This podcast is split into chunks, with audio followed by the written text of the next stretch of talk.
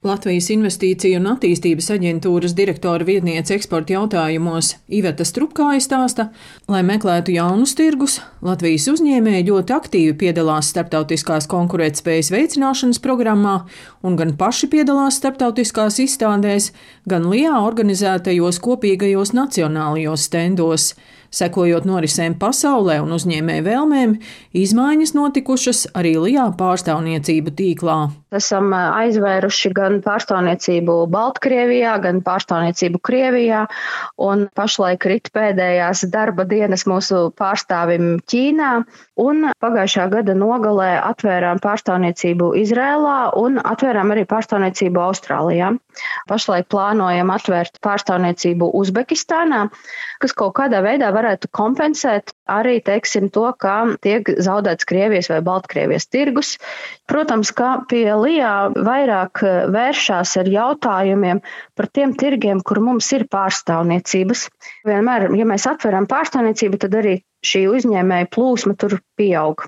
Acīm redzot, tomēr nu, tā klātbūtne ir, ir būtiska, un tad arī šo atbalstu var tā mērķiecīgāk sniegt un var palīdzēt uzņēmējiem. Uzņēmums no Rēzeknes novada, kurā gatavo inovatīvus produktus no griķiem ar zīmolu grikši, dibināts pirms diviem gadiem. Pērn uzņēmums pētīja Latvijas tirgu, bet šogad jau piedalās vairākās starptautiskās izstādēs. Zīmola grikši un zaļo griķu uzkodu ražotāja Jūlija Danīlina stāsta, ka ļoti vērtīgi bija darboties biznesa inkubatorā un saprast, kam un kādos apjomos ražot. Izstrādājot to ražošanas tehnoloģiju, iegādājoties iekārtas, tev jāpadomā, vai tu būsi spējīgs saražot apjomus, lai realizētu arī citos tirgos, un kad tu jau esi ražotājs, tad tev pavērās vēl citas iespējas, ko liesniec, ir iespēja piedalīties starptautiskā starptautiskajās izstādēs. Bijām mēs Zviedrijā, Nordic Organic Food izstādē un Nürnbergā, Vācijā Biofah, vadošā bioloģiskās pārtikas pasaules mērogā izstāde. Tagad notiek kontaktu dibināšana, un tad jau redzēsim, kas būs tālāk, bet mēs to redzam ļoti optimistiski. Mēs ceram, ka mūsu produkts izcelsies tieši kā tāds veselīgs un inovatīvs, jo arī diedzētu griķu uzkodas ir tāds unikāls produkts, un tie iepirkēji mēs jau redzam, ka skatās ar tādu interesi. Uzņēmums Controlīt Factory darbojas būvniecības nozarē un piedāvā patentētu tehnoloģiju jumtu hidroizolācijas pārbaudēm.